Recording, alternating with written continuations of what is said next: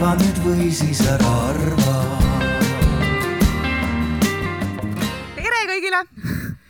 tere, alustame vaimse tervise alal eh, järgmist eh, aruteluringi, eh, mille siis on välja töötanud Tartu Ülikooli Psühholoogia Instituut ja ma tervitan ja, ja, ja, ja olen väga tänulik kõikide sõprade ja külaliste pärast, kes on siia saanud tulla. loodame, et see päike ei, väga ei takista meid. et ähm, on lubatud liikuda alal, on lubatud tunda ennast hästi, on lubatud järgida head arutelu tava. isegi see on väga soovituslik ja äh, seal kivi äh, hunniku otsas on võimalik saada täna hommikul korjatud Tartust Karlova õunu, äh, mis kõikide ennustuste kohaselt võiks samuti toetada siis vaimset tervist. Nii, rõõmuga saan teile tutvustada tänaseid osalejaid. minu vasakul käel siin istub Kirsti Akkermann Äh, psühholoogia instituudi kliinilise psühholoogia kaasprofessor ja väga pikaajalise kogemusega kliiniline psühholoog. Siis temast järgmine. Ken Konstaabel Tartu Ülikoolist ja Tervise Arengu Instituudist. spetsialist kõige kõrgemal mõeldaval tasemel tervisekäitumise alal. ja meie kolmas osaleja on Maris Vainre, kes on siis Praxise analüütik ja, ja doktorant Cambridge'i Cambridge'i ülikoolist. nii et äh, mitte äh, siis ülikool üksinda, vaid, vaid kõikide heade kolleegide ja koostööpartneritega me tahame siis seda teemat siin teiega koos äh, arutada. Ja nüüd esimene äh, mõte mida ma tahaksin äh, sisse juhatada, on see, mida ka eelmised selle ala Äh, arutelud on, on esile toonud, on siis see, et et viimasel ajal räägitakse vaimsest tervisest väga palju. vaimsest tervisest räägitakse rohkem kui kunagi varem. ja, ja nüüd ma natukene istun sellesse, sellesse ülikooli kinga või tooli. Aga, aga küllap see on meile kõigile vajalik ja hea, et ma küsiks järgmiseks, et mis asi see vaimne tervis on? et see, et õhk on paks vaimsest tervisest et räägitakse, et teda on vähe või teda on, on, on, on kuskil napib või mõni asi aitab kaasa või mõni asi takistab vaimse tervise äh, arengut või, või vaimse tervise alast enesetunnet. aga tegelikult me võiksime kindlaks või teha või kokku leppida, et millest me siis räägime. nüüd kõik osalejad, kellel on ligipääs nutivahendile siis ma väga palun, et te logiksite sisse lehe elementi.com jah, seal on, näita palun nii meie doktorant Merle Randver näitab siis äh, seda numbrit kaks, seitse, kaheksa, kuus, üks, üheksa, viis, üheksa, kus saaks vastata esimesele küsimusele. Äh, ja see küsimus on siis see, missugune sõna teie arvates iseloomustab kõige paremini vaimset tervist kasutage nimetavat vormi, näiteks saabas, loomulikult tõenäoliselt ei kirjuta saabas, aga ma ütlen, et kasutage kasutage nimetavat vormi, et siis, kui juhtumisi kirjutate sama sõna, siis, siis need võiksid nagu, nagu kokku kõlada. mõelge rahulikult, kolm sõna saaksite panna. erilist, et, et mis see on siis teie jaoks, see vaimne tervis?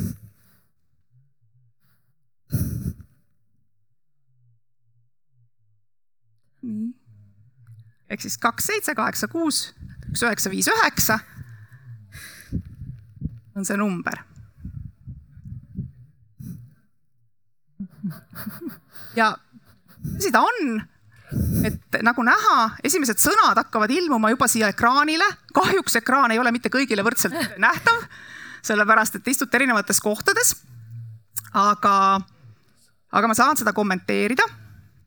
Ma näen, et mõned veel, mõned veel vastavad, ma väga tänan teid vastavad. ei ole õigeid ja valesid vastuseid, sest me täpselt küsime praegu seda, kuidas teile tundub, mis on need sõnad, mis teie jaoks vaimset tervist kirjeldavad või selle olemust tabavad?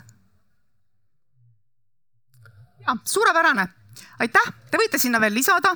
Äh, kuna teil on päris raske sellele ligi pääseda, siis kõik, kes, kes äh, on ähm, huvitatud, võivad pärast tulla vaatama, ma näitan ekraani pealt seda pilti, äh, mis siia kogunes, aga mis torkab silma, ma kommenteerin, et äh, rõõm on näha, et sellised sõnad nagu tasakaal, heaolu, rahulolu, rahu on nagu kõige suuremad, meelerahu tundub siin veel, et mis nagu esindavad teie jaoks, teie olete jupp Eesti inimesi.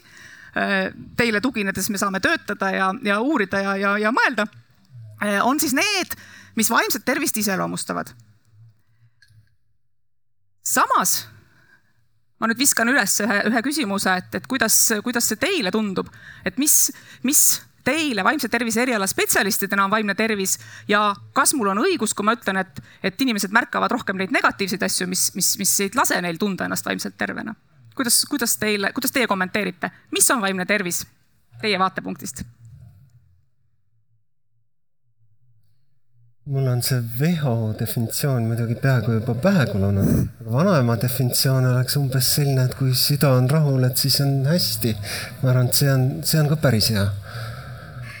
jah, samas see WHO äh, definitsioon, eks ju, et mis tähendab seda, et äh, et inimene tunneb ennast, see, et vaimne tervis ei ole mitte ainult haiguse puudumine vaid äh, et see on, äh, mis seal veel olid, komponendid on, et ta on võimeline toimetama, tulema toime igapäevaste stressidega äh, sotsiaalsete suhetega. sotsiaalsete suhetega, et need tegelikult kajastuvad päris hästi siin. ja ma olin ka üllatunud, et vaimne tervis kui täielik selline füüsilise, vaimse tervise heaolu pluss veel heaolu sotsiaalses mõttes.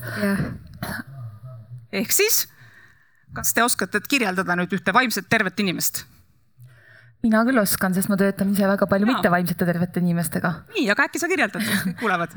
et äh, tegelikkuses nagu vaimse tervise äh, probleemide äh, kulgemine on, eks ju, selline samm-sammult. see ei ole nii, et ühel päeval olen terve ja teisel päeval olen väga haige ja see kujuneb järk-järgult ja need põhilised protsessid või mehhanismid, mis seal taga on, on ikkagi selline enesekontrolli võime ja eneseregulatsiooni võime. ehk kas ma suudan juhtida oma mõtteid, tundeid, emotsioone ähm, Äh, ja käitumist äh, ja teine asi, äh, kas ma tulen toime sotsiaalsete suhetega? Ehk võime luua sotsiaalseid suhteid, hoida neid, et, et kaks peamist komponenti ikkagi on, et, et, et ma saan iseendaga hakkama ja ma saan ka teistega hakkama. Väga tänan selle eest, kõik, kes jälgisid eelmist arutelu, seal tegelikult lõpetati täpselt sama koha peal. Oh öeldi ilusasti, selle hingehoidmise arutelu lõppes selle koha peal, et on oskused iseendaga hakkama saada ja tähenduslikud suhted sisuliselt. seda ma ei kuulnud, aga ju siis mõtlevad ja, inimesed. ja mis on, eh, ma tahaks öelda, et see nüüd sõnum teile kõigile, et ei ole nii, et iga psühholoog ajab omaette juttu. me ikkagi tegelikult omame ka mingit distsipliini, milles on ühised arusaamad ja mul on rõõm seda, seda peegeldada teile vastu. et, et, et nii ta tõesti paraku on ja, ja ja kui ma nüüd ütlen, et äh, me tegelikult äh, enne siia tulekut me valmistusime, me ei teadnud, kas meil õnnestub äh, teid niimoodi hästi kaasa, kaasa haarata, nagu praegu see välja kukkus, aga tegelikult me küsisime veel siis nüüd siin on küll peamiselt meie enda tudengid ja, ja, ja, ja siis kolleegid olnud, kes on vastanud, aga mitte ainult. ja siin on siis näiteks, ma loen, ma nüüd ütlen teile, mida veel inimesed on arvanud, mida peetakse vaimseks terviseks, näiteks, et ei nutaks iga päev ja et oskaks rõõmu tunda. või et tasakaalukus ei pea enda probleeme maailma kõige suuremaks. heaoluseisund, kus inimene on võimeline teostama, panustama ühiskonda, olema heades suhetes, tuleb toime igapäevaelu, igapäevaelu väljakutsetega ja tal on positiivne maailmapilt. no see on peaaegu selline kümne punkti, punkti definitsioon, eks ole nõuab aktiivset hoolt, see ei ole midagi sellist, mis on sulle jumalast antud, millega sa ei sünni, vaid tegelikult sul on, on äh, vaja sellega tegeleda, et vaimset tervist äh, omada, et olla vaimselt terve. Äh, et inimene tajub, et maailm on positiivne paik aga nüüd ma ütleksin, et on ka selliseid iroonilisi ähm, märkusi, mis ütlevad, et noh, et kui oma nime ja korrutustabelit mäletab, siis on okei okay ja võib kaitseväkke saata et kuidas teile tundub, kas me natukene ironiseerime selle vaimse tervise teema üle nüüd, kui me ütleme, et teda on nii palju ja kõik sellest räägivad? Kas see on põhjendatud ja kas me teeme seda? jah, mulle tundub, et mis, mis koroona kontekstis on Eestis juhtunud ja mis natukene, olles elanud äh, Suurbritannias tükk aega, seal, äh, seal on kauem räägitud vaimsest tervisest, et me räägime vaimsest tervisest järjest rohkem, mis on äh, väga tervitatav asi kindlasti. aga see tähendab ka seda, et meile tundub, et kõigil on mingi vaimse tervise probleem, sest et äh, noh, vahel ma olen pahane või, või vahel ma olen kurb ja, ja seda justkui liigitatakse vaimse tervise probleemiks. ja siis on loogiline jõuda sellisele küünilisemale järeldusele, et, et kui noh, kui kõigil on, siis järelikult see ei ole siis on see justkui norm või see on normaalne, et, et inimestel on vaimse tervise probleemid, et seega, et ei tasu kurta mis, ma ei ole nõus selle, selle vaatepunktiga, aga et, et ma saan aru, miks keegi võib niimoodi arvata.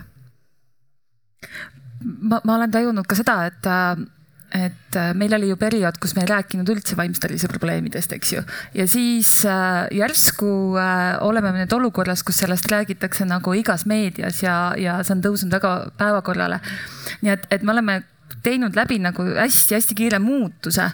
Ja, ja tegelikkuses on sellistel muutustel hästi suur oht, et neid inimesi hakatakse ka stigmatiseerima, kes tulevad välja ja hakkavadki rääkima vaimse tervise probleemidest. ja kui te mõtlete esimesi äh, selliseid meediakajastusi, siis äh, seda stigmatiseeritust oli küll. Ja me teame ka ju juhtumeid, kus lausa politsei on pidanud sekkuma, äh, et vaimselt siis ebastabiilseid inimesi toimetada linnaruumist ära, et mis sest, et see inimesi nii väga ei häirinud tegelikult see tegevus.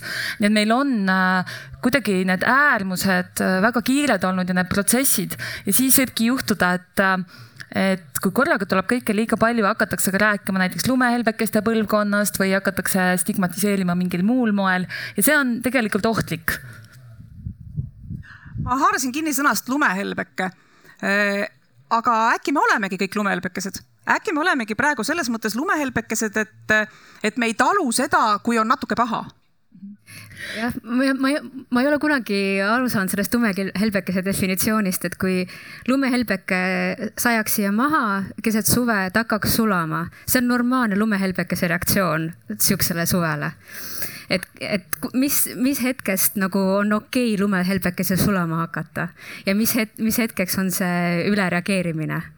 et see on olnud minu probleem lumehelbekesega. ellujäämine. jah, jah et või siis, et või siis äkki lumehelbeke, kui ta sulab ära, see on tema, see on tema adaptatsioon, ta koha. muudab olekut, muutub veeks, tuleb talv, ta on taas jälle lumehelbeke et äkki see on mm., äkki normaalne olla lumehelbeke.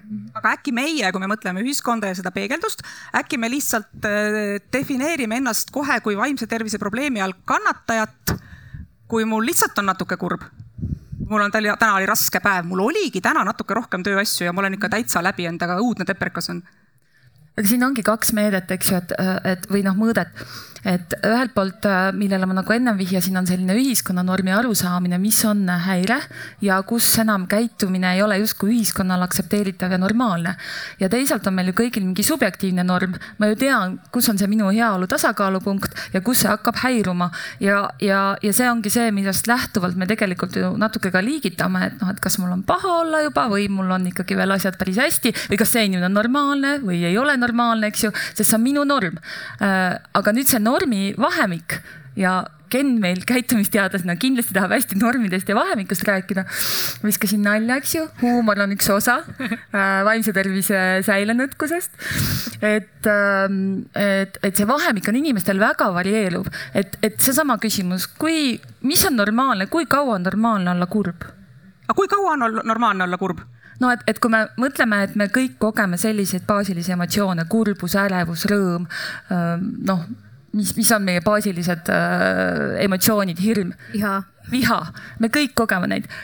kui kaua on normaalne olla kurb? just, ja ka mina küsin sinu käest, kui Just. kaua on normaalne olla ja, kurb? ja nüüd on olnud äh, grupp eksperte keda kutsutakse siis psühhiaatriteks ja vaimse tervise spetsialistideks ja nemad on otsustanud äh, diagnostiliste kategooriate alusel, et kui sul on ikkagi kaks nädalat püsivat meeleolu kogu aeg alanenud, alanenud, sa oled kogu aeg nutad, oled kurb, siis see ei ole enam normaalne. ahah et, et meil on olemas ka mingisugune diagnostiline kriteerium, mida arvavad terviseeksperdid ja teadlased, mis on kujunenud tõesti nüüd mingisuguste uuringute tulemusel. Aga teistpidi jälle äh, võttes näiteks kõik teavad võib-olla sellist sõna nagu melanhoolia, et meil ongi inimesi, kes oma iseloomult on melanhoolsemad äh, ja kurvemat laadi inimesed.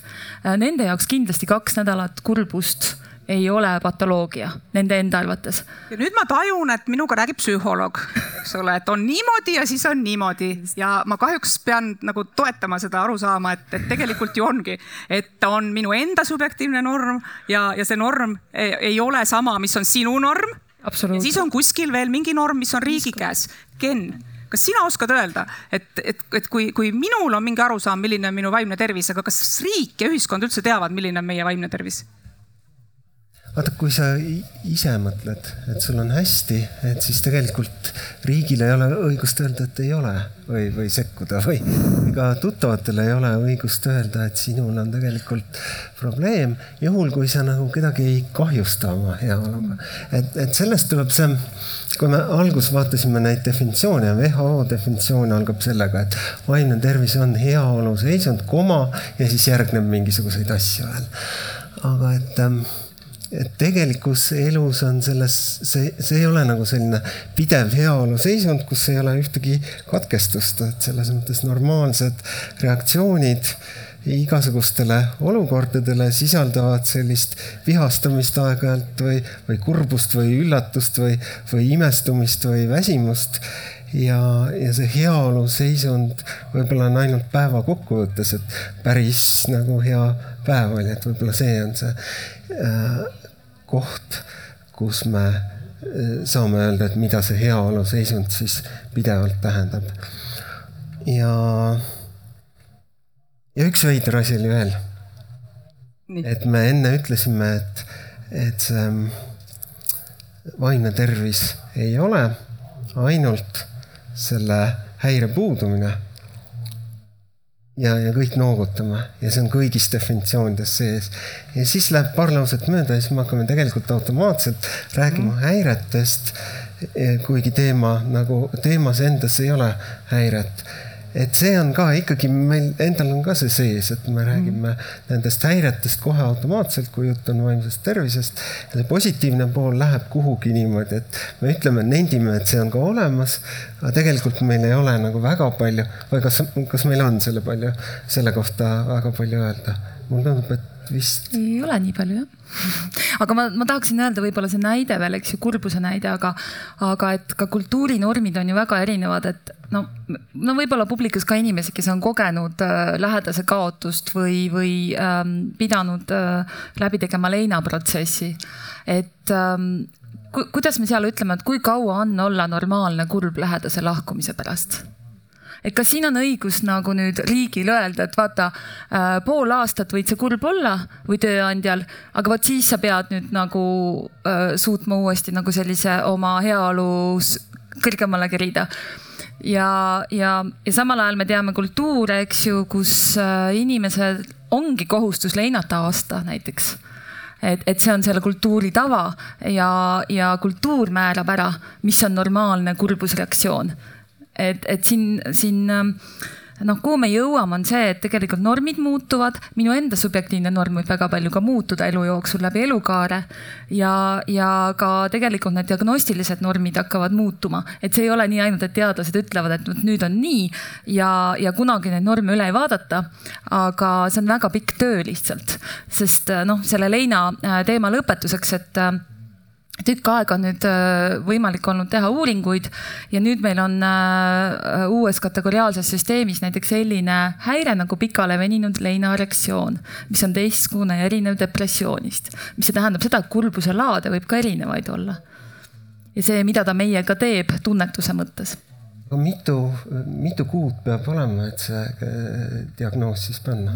et ja seal isegi aktsepteeritakse, et äh, pool aastat äh, ilmneb selline püsiv kurbus, aga ka veel käitumine, mis tähendab siis seda, et pidevalt mõeldakse kadunud inimesele.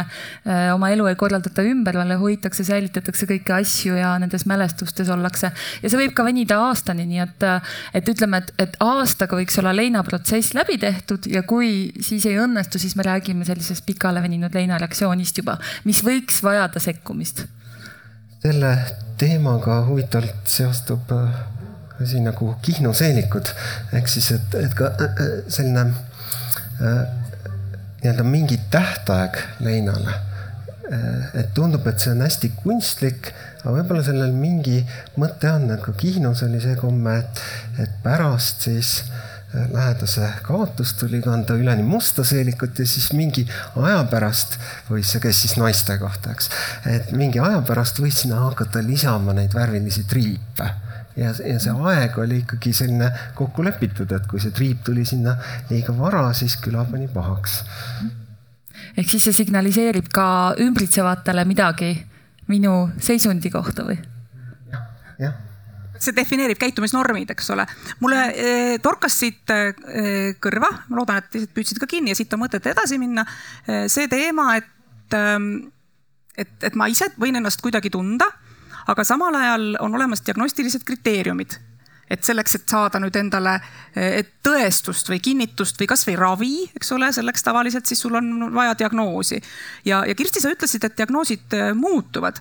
ma annan endale täiesti aru, et võib-olla nad muutuvad aeglasemalt, kui inimesed ootaks. selles mõttes, et noh, kujutage ennast nagu teise poolde, kui diagnoosid muutuksid iga nädal siis ei oleks üldse võimalik midagi üles ehitada, eks ole. kas te näete nüüd oma sellise äh, tausta pealt äh, kommenteerida midagi sellist, et mis on kõige tõenäolisem muutus, mis diagnoosidesse võib nüüd tulla, mis meie elu hakkab mõjutama edaspidi, kuhu me liigume?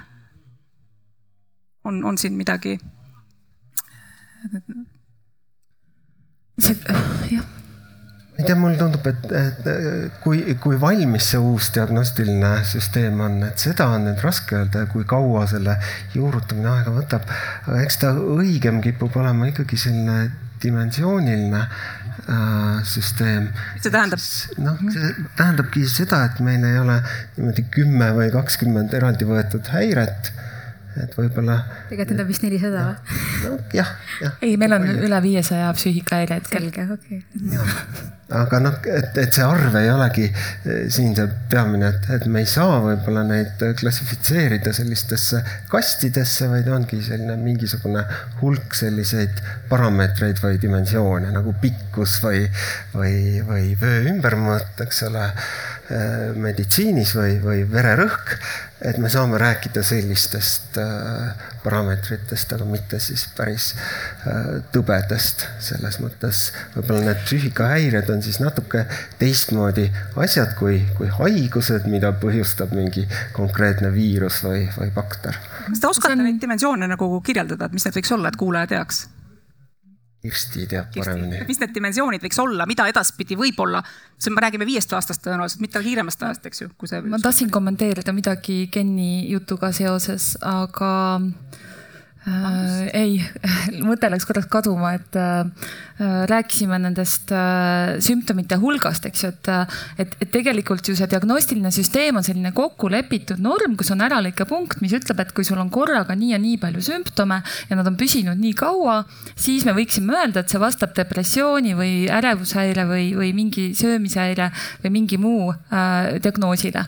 nüüd äh, kogu see selline teadustöö käibki selle üle, et, et millal me saame ja kui usaldusväärseks saab diagnoose pidada just selles mõttes, et äh, kui palju peab korraga sümptomeid esinema. ja nüüd äh, näiteks needsamad depressiooni, ärevushäire ja söömishäire näide. et me teame ka seda, et väga paljud nendest häiretest esinevad koos. näiteks meeleolu ja ärevushäirete koos esinemise protsent on väga-väga kõrge. ja nüüd, kas me võimegi mõelda, et inimesel on nii meeleoluhäire kui ärevushäire, kui siis ka võib-olla ta söömine on häirinud. et, et võib-olla me võiksimegi nüüd mõelda, et mõned inimesed on oma loomult ja nüüd see dimensiooni moment on neurootilisus, eks ju, et äh, need on inimesed, kes on tundlikumad äh, äh, negatiivsete sündmuste, negatiivsete eluolude, no olu, olu, eluolude osas, nad kohanevad kehvemini. et see ongi selline, et kus me sellel neurootilisuse dimensioonil paikneme, kas meil on seda vähe või on seda palju. ja noh, hea näide on muidugi see, mida alati tuuakse, on see, et, et miks depressiooni ja ärevused esineb naiste seas rohkem ja see on tõsi.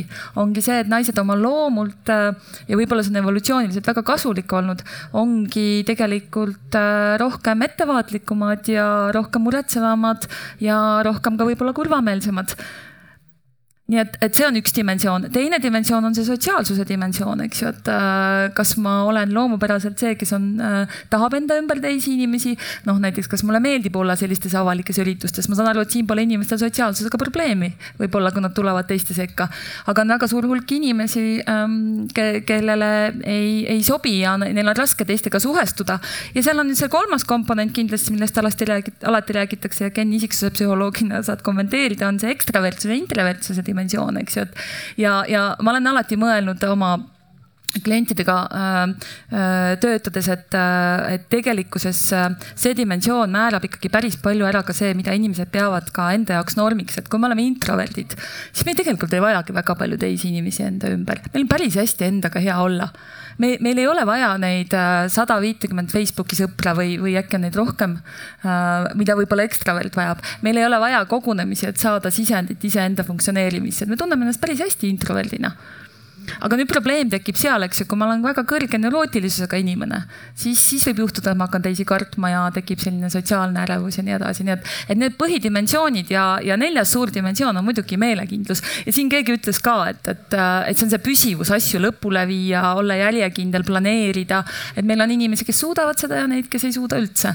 nii et, et kui me hakkame nüüd kombineerima neid omadusi neljalt suurelt eks ju, dimensioonilt, siis me saamegi sellised individuaalsed erinevused on ka muidugi teisi kategoriseerimisi, et üks on, noh, üks on selline läbi isiksuse nagu ja, sina. aga on teisi viise ka. et jah, et teine võimalus nagu mõelda vaimse tervise probleemidest on noh, see, kusjuures see neurootilisus on sama mm.. aga sa võid öelda, et inim-, et inimesed, kus inimesed erinevad, on äh, näiteks nende impulsi kontroll mm.. kuivõrd nad suudavad äh, e-, ennast reguleerida, näiteks, et kas, kas ma vihastan lihtsamini või kergemini mm. või, või raskemini, kui ma vihastan, et mis ma siis teen, et kas ma ütlen või siis ma löön kedagi, eks ju, selline impulsikontroll või siis ka impulsikontroll võib välja tulla ka sõltuvuskäitumistes näiteks.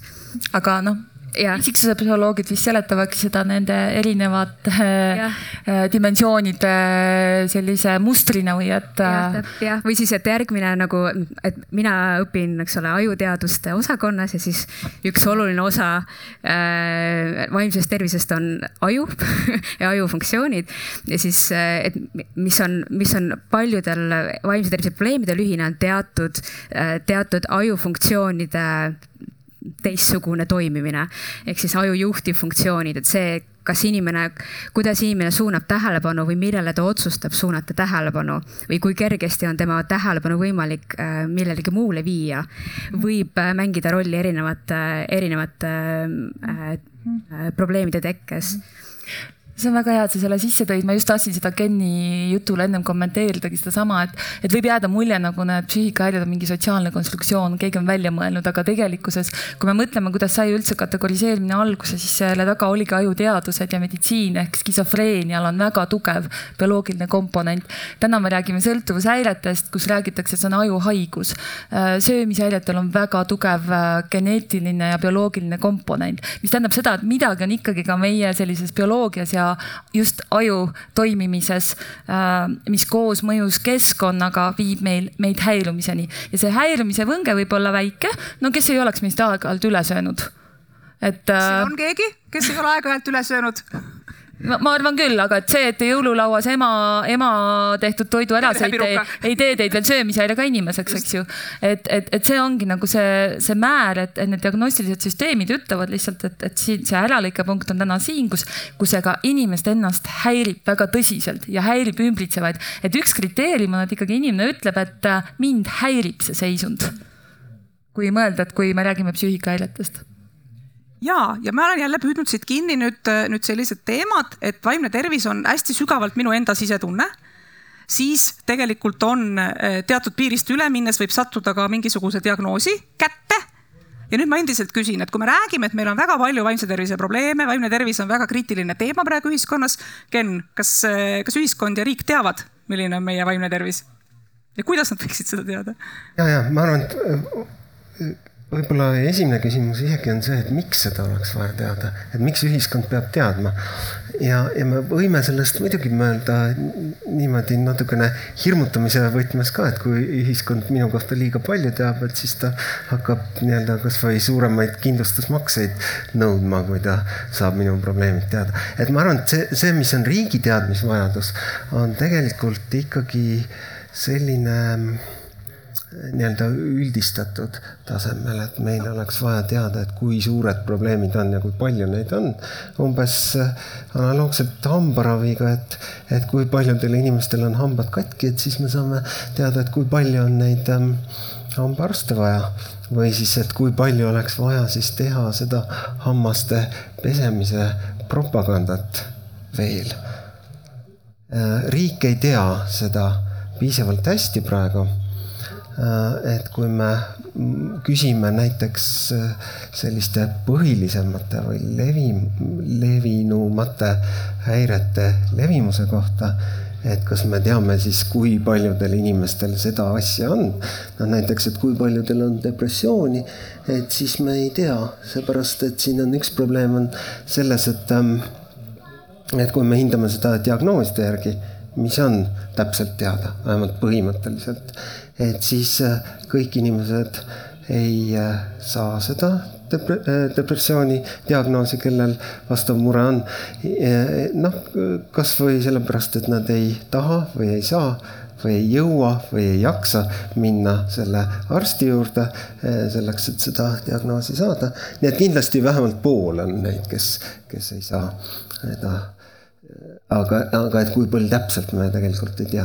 ja nüüd, kui me püüame hinnata seda selliste enesekohaste küsimustike järgi, et siis on vaja ikkagi nende küsimustikega palju sellist eeltööd teha selleks, et me saaksime seda asja numbriliselt hinnata. nii et noh, me saame öelda, et, et nii-öelda kümme kuni viiskümmend protsenti olenevalt eh, vanuserühmast on see depressiooni levimus ja, ja see ei ole piisav täpsus. ma arvan, et viiskümmend on ilmselt ülehinnang. mis, mis tegelikult on nagu keeruline koht, eks ole, et, et kõik räägivad, üha rohkem räägivad, mul võib tekkida hoopis tunne, et ma peaks tundma ennast halvemini, sest kõik räägivad, et kõigil on halvasti. ja, ja, ja riik võiks võib-olla teha mingeid samme täpselt, kas siis hambapesu propagandat ehk siis mingisuguseid meetmeid, selle juurde me jõuame ka natukese aja pärast. ja, ja, ja samas me ei tea isegi, et noh, kui suur see, kui suur see probleem on, millega me tegeleme. kas kuskil maailmas teatakse paremini? see, sellega on alati täpselt seesama probleem, eks ju, et me, et ainuke viis, kuidas me saame teada, kas kellelgi on vaimse tervise probleem, on viia ta psühhiaatri või kliinilise psühholoogi juurde, kes paneb talle diagnoosi, sest et depressiooniks ei piisa ainult halvast meeleolust, et on vaja teisi komponente ka. ja, ja ja aga see, aga igaühe kliinilise psühholoogi või psühhiaatri juurde viimine on väga kallis ettevõtmine.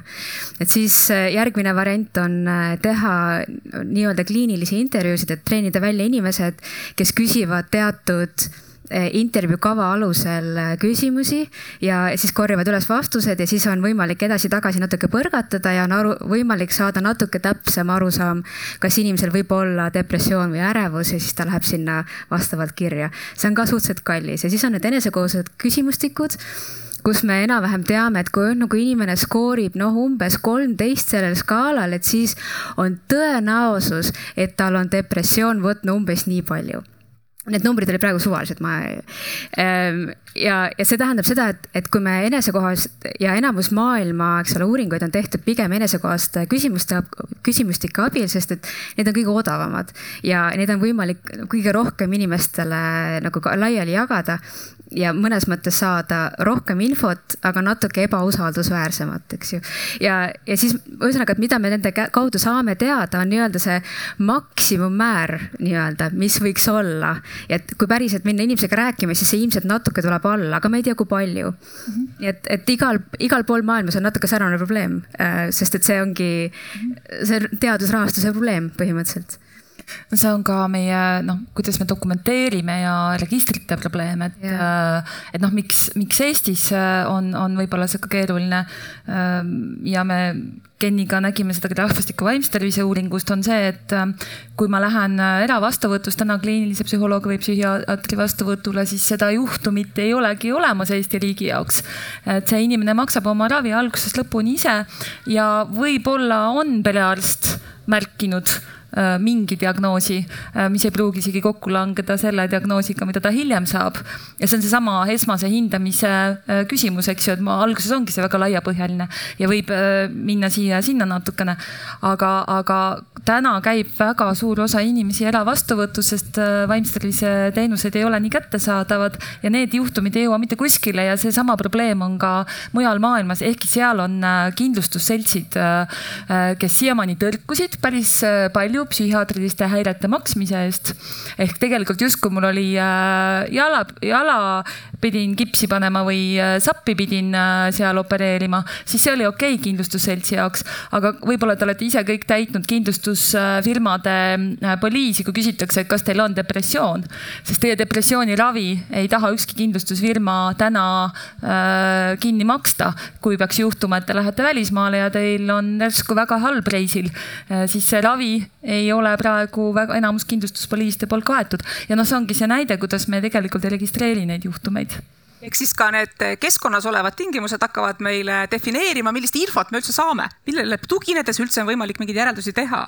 Iseenesest täitsa totter olukord, aga mulle meeldib see, et sa tõid sisse või, või mainisid seda rahvastiku vaimse tervise uuringut, võib-olla mõned teie hulgast on olnud selle vastajad. kaks tuhat kakskümmend kuni kaks tuhat kakskümmend kaks Tervise Arengu Instituut ja Tartu Ülikool eh, korraldasid, Ken juhtis seda uuringut, eh, korraldasid siis ähm, rahvastikupõhise äh, vaimse tervise uuringu, mis on üks esimesi samme, et riik saaks üldse sellel küsimustikupõhisel viisil äh, aimu, kuidas äh, ja millises seisus on inimeste vaimne tervis.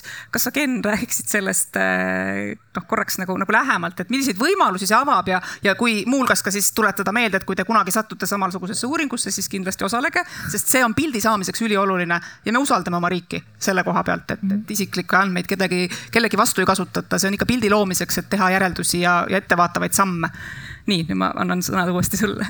et kui hüpata korraks tagasi, et, et kus on äh, paremini ja, ja mismoodi saaks paremini, et siis ma arvan, et Soomes on kõik asjad paremini, et see on selline standardvastus selle vaimse tervise teadmiste osas ka.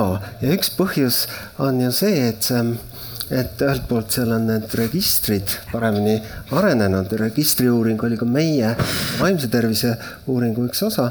ja, ja teine asi, mis nagu teeb selle registriinfo kvaliteeti paremaks, on, et ka, ka see vaimse tervise teenuste süsteem on nagu paremini arenenud, mis tähendab ka seda, et inimeste teadlikkus on parem ja neid stigmasid on vähem. ehk siis see info, mida me registritest äh, saame, kajastab seda päris olukorda paremini, et see äh, rahvastiku vaimse tervise uuring oli üks selline esimene katse nagu kogu seda infot kokku võtta, mis meil vaimse tervise kohta on, võib-olla siis natukene Soomele järele jõuda äkki väikeste sammude kaupa ja, ja tulid välja mõned sellised asjad, mida ei oleks oodanud. see, et, ähm, et meil neid probleeme on rohkem, kui, kui tavaliselt arvatakse, et see ei olnud suur üllatus. aga, aga näiteks üks küsimus, mida me teistmoodi kuidagi ei oleks teada saanud, on näiteks see, et üks selline äh, sihtrühm, need, kes saavad väga vähe palka, umbes seal niimoodi miinimumpalga lähedal või, või kellel ei ole üldse ametlikku sissetulekut, et nemad tegelikult kasutavad vaimse tervise teenuseid väga palju vähem kui kõik teised. ja, ja see on nagu vastuolus selle üldise trendiga, et mida parem sotsiaalmajanduslik staatus ehk siis praegu, mida suurem palk, et seda parem elujärg on igas mõttes, sealhulgas siis vaimse tervise mõttes, et nii on muidu ka ja et need, kes äh, saavad nii-öelda väikest palka küll, aga üle selle miinimumpalga, et nemad kasutavad ka, käivad psühholoogi ja psühhiaatri juures rohkem kui need, kellel on päris kõrge palk või keskmine palk, eks ole. aga need, kellel sissetulek üldse puudub. nii, nüüd vist. jah, tagasi. mikrofon tagasi et äh, nemad siis äh, kasutavad kordades vähem ja see on üks asi, mida nagu me kuidagi teisiti kui sellise keerulise nipika uuringuga ei oleks teada saanud, et nüüd on järgmine samm, et kuidas seda küsimust hakata aga kuidas sa interpreteerid seda, et inimesed, kas inimestel puudub ligipääs teenustele ja sellepärast nad ei, nad vajavad seda rohkem kui see järgmine grupp? Nad vajavad umbes ümmarguselt sama palju kui see järgmine grupp, aga et nad, neil on kas hoiakud sellised või siis on nii-öelda äh, muid muresid piisavalt palju, et ei ole selle, selle nii-öelda peamure jaoks äh, aega. Mm. Äh, ja, ja noh, või, või siis on nii-öelda sellised muud terviseprobleemid või, või tervisekäitumine, joomine, suitsetamine ja, ja, ja, ja muud sellised asjad, mis tegelikult äh, takistavad seda abi otsimist. ilmselt neid põhjusi on palju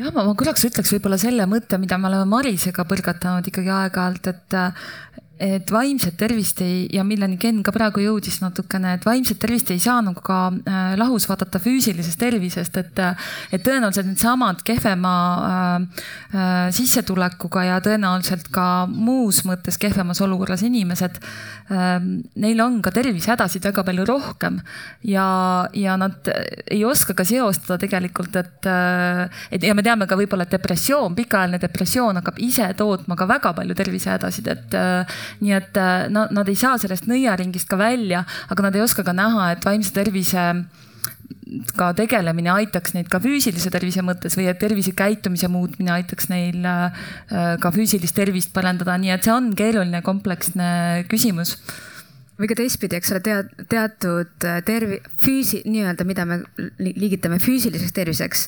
et need probleemid võivad indutseerida ärevust või depressiooni, et kui ma saan teada, et mul on vähk, see on väga suur šokk ja mm., ja ja see on noh, mõnes mõttes normaalne kohastumus olla selle pärast mures mm. -hmm. aga mingi hetk ta võib muutuda ärevuseks või ka mõned kroonilisemad äh, probleemid, et noh, diabeet, et seda on, võib olla väga raske saada kontrolli alla ja võib olla normaalne reaktsioon Lähe. olla selle tõttu depressioonis või depressiooni sümptomitega, aga sellest võib areneda välja ka depressioon. et tegelikult oleks loogiline tõesti jälgida füüsilisi ja vaimse tervise sümptomeid käsikäes. jah, ja täna meie ikkagi siin kehalises meditsiinis, et no ma ei tea, ma küsin ka publiku käest, et kui te lähete on teil põhjust olnud mingi kehalise haiguse pärast, et kui palju küsitakse, aga kuidas meeleolu on või kas äh, paneb see teid ka muretsema või et kas küsitakse ka vaimse tervise kohta midagi või äh, kui me läheme näiteks äh, noh, minul on au olnud elus väga vähe. keegi raputab väga-väga vähe. ma ei ole, mul ei ole väga võimalust olla olnud äh,, jah, kohe äh,. mul ei ole väga võimalust olla intensiivravis, aga minu elu esimene kogemus oli see, kui sinna toodi paanikahäirega patsient kõrvale ja, ja terve meditsiiniosakond jooksis ümber ja proovis teda rahust täis pumbata ja selle asemel, et lihtsalt ma rääkisin temaga viis minutit ja tal hakkas juba parem et, äh, et noh, näitada, et küsi tõesti, kas on midagi, et see on seotud sinu psüühikaga pigem. nii, te tahtsite? Äh, äh, nii, mul on selline kogemus, et kui ma ähm, kui ma elasin Ameerika Ühendriikides ja käisin mõnikord arsti juures, siis alati oli see küsimustik ja kas sul on mingisugused Nad ei küsinud, kas on depressioon, nad küsisid konkreetseid sümptomeid, kas sul on näiteks, kas sind ei huvita asjad ja kas sul on mm. nagu mhm. halb meeleolu ja nii edasi, nii edasi, sihuke küsimustik mm. oli alati peaaegu. aga Eestis ma pole seda muidugi märganud, et oleks. aga te olete arsti juures käinud, eks ju? olen Eestis arsti juures käinud ka viimased, viimase kolme aasta jooksul paar korda, nii et. jah, ja, ja, ja tegelikult see ongi, aitäh jagamast seda kogemust, sest see ongi üsna tüüpiline, et meil vaadatakse füüsilist ja vaimset tervist meditsiinisüsteemis lahus. ja see on ühtepidi väga kurb teistpidi võimalusi loov, et teha midagi süsteemselt, et, äh, et need mõlemad äh, osapooled teeksid koostööd omavahel. siin ük, üks asi, mida vist ei ole veel piisavalt palju rõhutatud, on kõikvõimalike tervist mõjustavate käitumisviiside seos vaimse tervisega ja, ja füüsilise tervisega siis muidugi ka. alates näiteks unest et meil on, no me võiks teha sellise mänguküsitluse jälle või, või on see pigem retooriline küsimus, et kes siis saab piisavalt magada igal ööl. aga see eh, piiratud uneaeg on üks asi, mis mis tekitab probleeme ja, ja nii füüsilise kui vaimse tervisega. või siis, et mis aitab meeleolu paremaks teha, on selline piisav liikumisaktiivsus. jällegi see kümme tuhat sammu on muidugi müüt, eks ole, et me ei, ei pea seda lahendama sammudes, vaid võime lahendada kangi või sangpommi tõstetes mõnikord või, või siis vändapööretes või, või nendes ujumisliigutustes, et, et võimalusi on hästi palju, aga see liikumisaktiivsus on meil evolutsiooniliselt on, on omane, et see kümme kilomeetrit päevas oli meie kaugetel eellastel ikkagi nagu täiesti tavaline, pigem selline mõõdukas päeva, päevakogus. Ja, ja meil on see äh, haruldane ebatavaline ja imelik, mhm. aga see on rohkem kui kümme tuhat sammu ja see tervisekäitumise mõte, ma korraks hakkasin mõtlema hiljutisi neid äh, raporteid, mis räägivad, mis haiguste tõttu äh, eestlased, aga ka üldse mujal maailmas äh, kaotavad oma töövõime või et millest neil tekib puue. siis näiteks on äh, üks, üks on alaseljavalud, mis on väga tugevalt liikumisega seotud.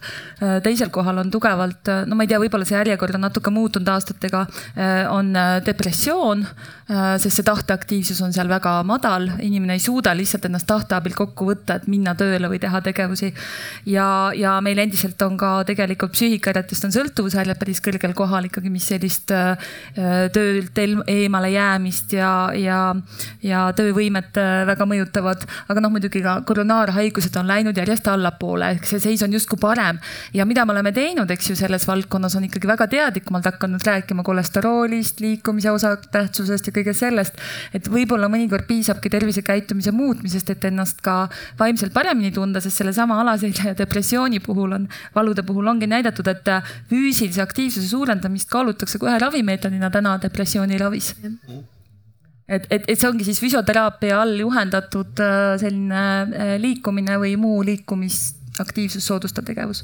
võib-olla siia sobikski veel nagu konkreetsema näitena tuua kuulajaskonnale selline mm, näide sellest, kuidas siis äh, tähelepanuta jäänud vaimse tervise probleem, olgu ta siis äh, meeleolu alanemine või ärevus või midagi muud, et kuidas see toob kaasa siis noh, füüsilise tervise halvenemise, on teil mingi hea näide veel? lihtsalt ilmestamiseks selle juttu no.. versiooni puhul muidugi on see nõiaring, et, et kaob isu ära igasugu asju teha, sealhulgas õue minna ja liikuda. Mm. ja, ja, ja see liikumine tegelikult ka ikkagi mitte niisama jutu põhjal, vaid ka uuringute põhjal on üks viis, kuidas seda meeleolu paremaks saada. Aga noh, kõik inimesed, kellel äh, on veidikenegi olnud depressiooni sümptomeid, äh, saavad aru, et teoreetiliselt me võime ette kirjutada, aga, aga kui sul ikkagi on null tahteaktiivsus, siis noh, mina oma praktikas näen ikkagi selliseid depressiooni äh, väljundeid, kus me esimesena jõuame sealt, et ta haiglavoodist oleks nõus ja hakkaks hambaid pesema hommikul ja tuleks sööma teistega.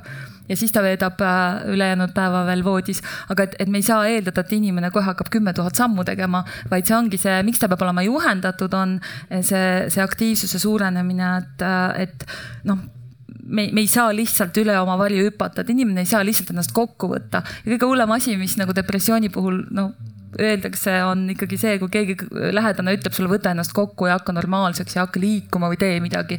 see ei allu sinu tahtele, sest selle taga on teatud ka bioloogilised protsessid.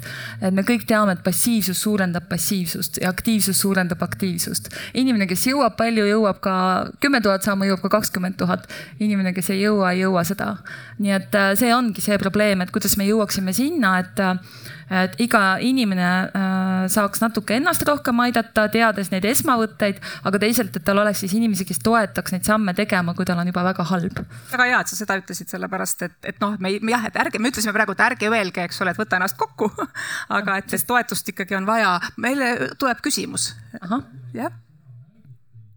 Äh, võib-olla pigem kommentaar aga küsimus ka otsa, et äh, hea märksõna oli Kirstil see äh, tööandjate teema minu arvates, et mul äh,, mul tekib iga kord see mõte, et kuivõrd meie tööandjad on valmis äh, vaimse tervise probleemidega inimesi üldse tööle võtma, et tegelikult paljud on töövõimelised, aga noh, loomulikult äh, ühel, ühel hetkel enam mitte, kui probleem läheb väga suureks, aga äh, siin oli ka märksõna toetus on ju, et tegelikult ka vaimse tervise probleemidega inimesed suudaksid äh,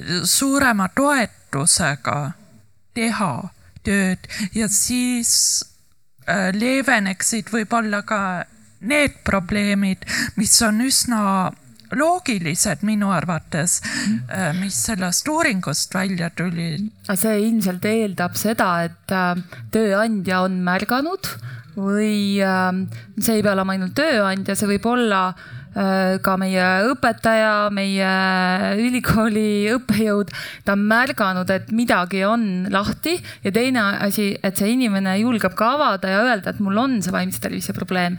et, et see, see eeldab sellist ikkagi usalduslikku õhkkonda töökollektiivis, sest äh, oht, äh, et võib-olla ma jään ilma teatud hüvedest kui, kui ma ütlen, et äh, mul on ühte või teist tüüpi vaimse tervise probleem, et, et see on äh, ka ju olemas, aga jah, pigem see eeldab sellist usalduslikku suhet.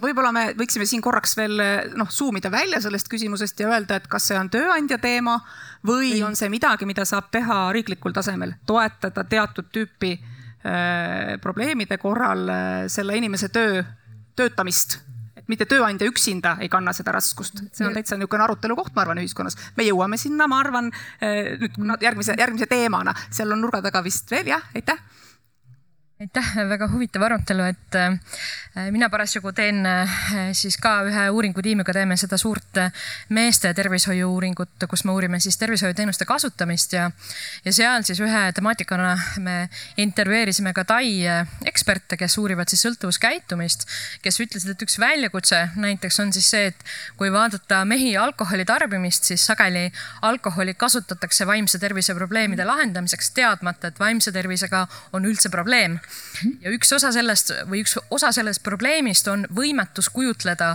milline on meie elu, kui me käituksime paremini, ehk siis hoiaksime oma vaimset tervist. see tähendab, et äh, nende meeste puhul siis need eksperdid väitsid, et nad ei pruugigi osata kujutleda, milline on esmaspäev, kui sa, äh, kui sa ei ärka üles pohmakaga või sa ei vihka esmaspäeva või see ei ole nagu halb mm. -hmm ja olen ka ise olnud olukorras, kus äh, tunnistan, et äh, see asi, mis on normaalne, hea vaimne tervis, äh, võib mul olla täiesti tundmatu senimaani, kuni ma vestlen terapeudiga oma kabinetis, kes ütleb, et Anna, noh, et, et kõik need mõtted, mis sa mõtled, et issand jumal, et kuidas sa küll, kuidas sa küll neid mõtled. ja see paneb mind mõtlema, et kui me saaks teha eksperimendi või kui teie saaksite nüüd anda inimestele nõu, et mida nad võiksid ühe nädala jooksul teha, et kogeda head vaimset tervist kasvõi natuke aega, et saada aru, mis on see normaalne hea standard et, et mida te soovitaksite, et natuke sellist äh, tunnet või arusaama nagu tekiks nii, ma võib-olla ütlen ühe kommentaarina selle sõltuvushäire näitel, et, et äh, väga sageli äh, just sõltuvushäirete puhul on selline vaikiv kokkulepe, et me teame küll, et ta tuleb pohmelliga tööle, aga noh, ärme pööra jumala eest sellele tähelepanu, sest ta lõppude lõpuks on ikkagi teeb hästi oma töö ära ja mingit jama ei tule sellest ja, ja me kümme aastat juba äh, kõik arvame, et noh, küll ta on küll probleemid, me näeme seda igal esmaspäeval ja inimene saab aru, aga keegi ei räägi sellest. et siin on nüüd see koht, et kelle vastutus oleks märgata ja öelda, et kuule et äh, kas sa tahaksid proovida teistmoodi. Ja nüüd see küsimus teistmoodi on see, et äh, ma arvan, et me nädala jooksul neid muutusi ei pruugi kogeda, vaid võime, võime saada paradoksaalselt hoopis halvema enesetunde. ehk siis me tõenäoliselt peaksime seda pingutust hoidma kauem, äh, et kogeda mingisugust muutust, see on sama hea, kui ma hakkaks dieeti pidama ja tahaks nädala pärast kohe kõik olla seitse kilo saledamad jah, ja samas äh, ma olen nõus, et meie ajul on fantastiline, no mit-, no selles mõttes, et suurepärane võime kohaneda nende oludega ja nende mõtetega, mis meie peas on. ja me normaliseerime stressi mm. -hmm. näiteks, ma võin olla läbipõlemise äärel või juba läbi põlenud ja ma pean seda normaalseks, et ma lähen koju, olen pahane, ei taha mitte midagi teha. ja see, ja see ei tundu nii hull üldse selle sees olles ja alles pärast tagasi vaadates tundub, et appi, kuidas oli võimalik nii elada et, et see on, et see ja see hoiab meid samas, eks ole, selles, selles nagu mustas augus. aga sellele eelmisele küsimusele töö, tööandjate kohta, et mulle tundub, et mida, mida meil veel on vaja lisaks sellele, mis eelmistele mainitutele on, on natukene nüanssi selles, mida me, kuidas me räägime vaimsest tervisest ja mis on vaimse tervise probleem et äh, kui tööandjale, kui ma ütlen tööandjale, mul on vaimse tervise probleem, siis ta, tal ei ole võimalik ju teada, mida see tähendab. et kas see tähendab seda, et ma käin psühholoogi juures, ma saan tuge või abi, ükskõik mis formaadis see on ja ma saan, ma tulen oma ülesannetega toime, lihtsalt kord nädalas ma kaon tunniks ajaks ära või, või kaheks tunniks ja see on kõik. või et mul, mul on aeg-ajalt, äh, et mul on noh, tugev, tugevamad probleemid, ma pean aeg-ajalt käima ära, olema eemal tööst või et ma vajan tuge, et keegi, keegi toetab mind, näiteks, et mul on tugev esinemisärevus ja keegi noh, kuidagi aitab mind selles, et ma saaksin rääkida, ma ei tea, kuskil ees et see, see, see on väga-väga isiklik erine- e, või erinevate inimeste puhul ja on inimesi, kel on, on ka vaimu, vaimupuue ja kes vajavadki, no nad ei parane, nad vajavad tuge ja oskusi ja, ja see tähendab omakorda teistsugust abi. et, et me peaks, peaksime oskama vahet teha, et, et, et ei samamoodi noh, ja mõnes mõttes me oleme, me normaliseerime teatud probleeme, et keegi on alkoholisõltlane, noh, et see, see on asi, mida me tunneme, me teame, et see saab olla hullem see saab olla parem. et okei okay,, et kui tema, et noh, et ta joob, aga ta noh, ta ilmub tööle natuke esmaspäeval natuke aeglane, aga noh, pole hullu, et tööandja jaoks see võib olla väiksem probleem kui see, et inimene kaob lihtsalt ära, et, et sama, samasugust nüanssi me peaksime nägema ka vaimse tervise puhul üks asi, mida on võimalik muidugi nädala ajaga ära teha, on siis, kui, kui nädal aega korralikult magada igal, et siis, siis läheb küll paremaks. ja üks tuttav ütles, et kui ta hakkas oma sellist uneaega jälgima, et siis ta ühel ilusal päeval avastas, et tal on mälu. Ja, ja, ja selliseid huvitavaid avastusi ilmselt on teisi veel. nüüd teine asi, mis, mis, mida paljud teevad ja siin võib öelda, et siis käige minu sõnade ja mitte tegude järgi, on see, et alkoholi kasutatakse sellise stressi maandajana või murede maandajana.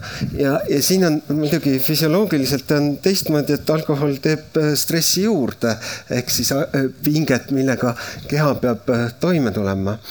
ja, ja meil on lihtne neid asju tähele panemata jätta, muuhulgas siis mõtleme, et, et äh, tuleb parem uni, tegelikult tuleb halvem, aga seda me märkame alles järgmisel hommikul.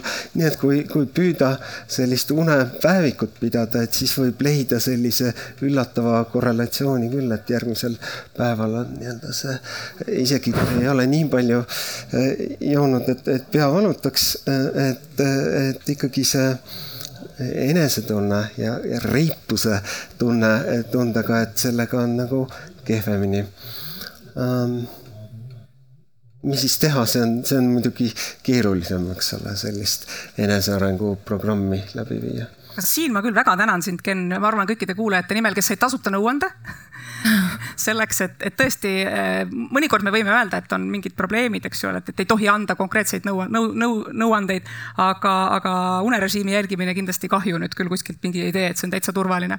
selleks, et me liiguksime edasi me oleme puudutanud, me oleme avanud mitu ust praegu, me oleme avanud selle ukse, et kuidas ma iseennast tunnen ja, ja mõned asjad, mida ma võib-olla saan teha ja saan soovitada sõbrale võib-olla ja, ja võib-olla, mida ma ei tohiks öelda oma lähedasele, kellel äkki on probleem ja võib-olla siin midagi võiks teha teha, teha riik ja kogukond. ehk siis ma palun, kes olid nüüd siin selles äh, Mentis äh, osalejad, vaadake palun järgmist, äh, järgmist küsimust ja, ja järgmise küsimuse osas ma palukski teil võrrelda, et kui palju teile tundub, et nüüd sellest, mis meie vaimse tervise, minu enda vaimse tervise alal meid puudutab, et kui palju sellest võiks olla riigi ja ühiskonna vastutuses, mida nemad saavad teha, mida riik ja ühiskond saab teha, mida spetsialistid saavad teha ja mida inimene saab teha, et, et kuidas te hindate, kui palju ühe või teise või kolmanda osakaal on?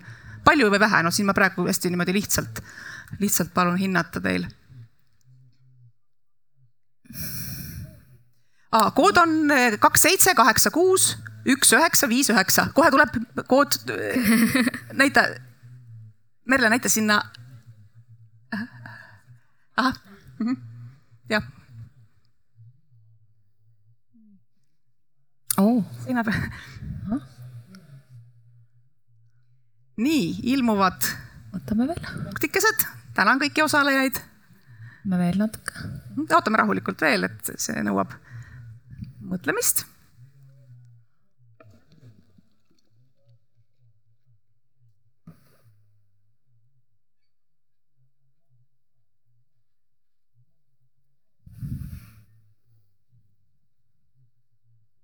Aitäh, Merle!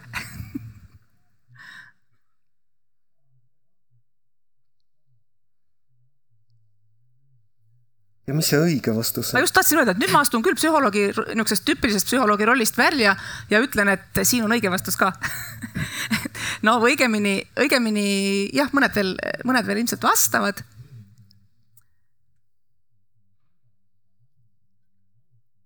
ükskõik.